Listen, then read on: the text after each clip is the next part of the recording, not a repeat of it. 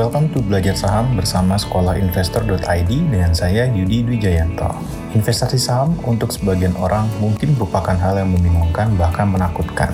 Hal ini disebabkan kurangnya informasi yang dimiliki oleh kita mengenai dunia investasi khususnya saham. Oleh karena itu, di Belajar Saham bersama Sekolah Investor.id, kita akan memberikan informasi yang lugas dan applicable sehingga investasi saham menjadi menyenangkan. Dalam beberapa episode ke depan, kita akan membicarakan beberapa trading rules yang sudah terbukti yang dapat membuat trading saham kita menjadi stress-free dan menyenangkan. So let's get started. Di episode sebelumnya, kita sudah membahas rules yang kelima, yaitu define your risk. Untuk pendengar yang belum mendengarkan episode tersebut, bisa langsung meluncur ke episode Trading Rules 5, Define Your Risk. Melindungi diri adalah uh, insting dasar dari manusia. Begitu juga dalam kehidupan sehari-hari maupun dalam trading saham. Kita pasti akan memiliki atau memikirkan suatu metode untuk bagaimana kita bisa melindungi diri kita ataupun investasi kita. Dalam episode kali ini, kita akan membahas cara untuk melindungi investasi kita, yaitu dengan memahami rules yang keenam mengenai protective stop. Seorang trader yang baik pasti akan memikirkan bagaimana caranya dia melindungi investasinya sebelum dia memulai suatu perdagangan saham. Jadi, dia akan memikirkan segala sesuatunya supaya keuntungan yang sudah dia raih itu tidak hilang. Dia tidak akan memasuki suatu perdagangan saham tanpa memikirkan suatu metode bagaimana cara untuk melindungi keuntungan yang akan dia dapat. Salah satu metode yang paling sering digunakan adalah penggunaan stop atau penggunaan protective stop pada saat kita melakukan suatu perdagangan saham.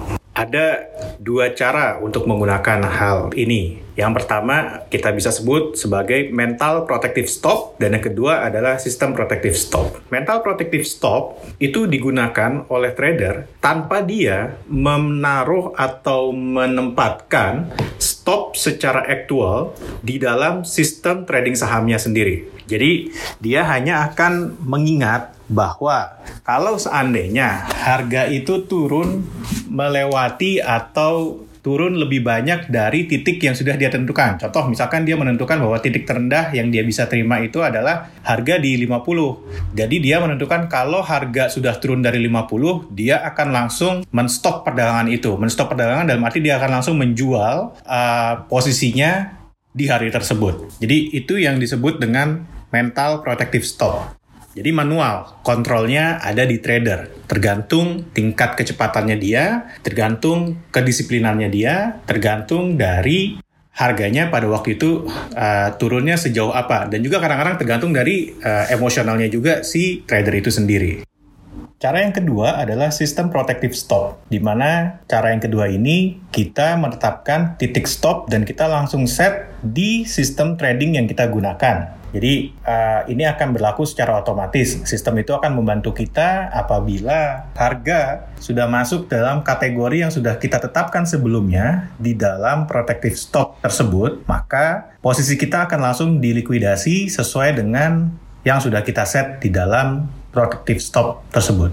Hal ini dilakukan secara otomatis tanpa perlu kita awasi dan juga tanpa ada bias dari emosi si trader. Kalau ditanya mana yang lebih baik antara mental protective stop dengan sistem protective stop, well jawabannya dikembalikan ke masing-masing trader sendiri. Bagi sebagian orang mungkin akan merasa lebih baik menggunakan mental protective stop, di mana dia tidak perlu men-set langsung, jadi dia bisa langsung menganalisa pada saat itu juga. Trader seperti ini biasanya memang yang melakukan trading sebagai full time job misalkan, dan dia punya banyak waktu untuk melihat uh, pergerakan harga saham tapi sebenarnya resikonya menjadi sangat tinggi. Kenapa? Karena kalau kita tidak disiplin dalam melihat dan juga kita tidak bisa memutuskan sesuatu dengan cepat, maka bisa jadi kita akan melewati titik yang sudah kita tentukan.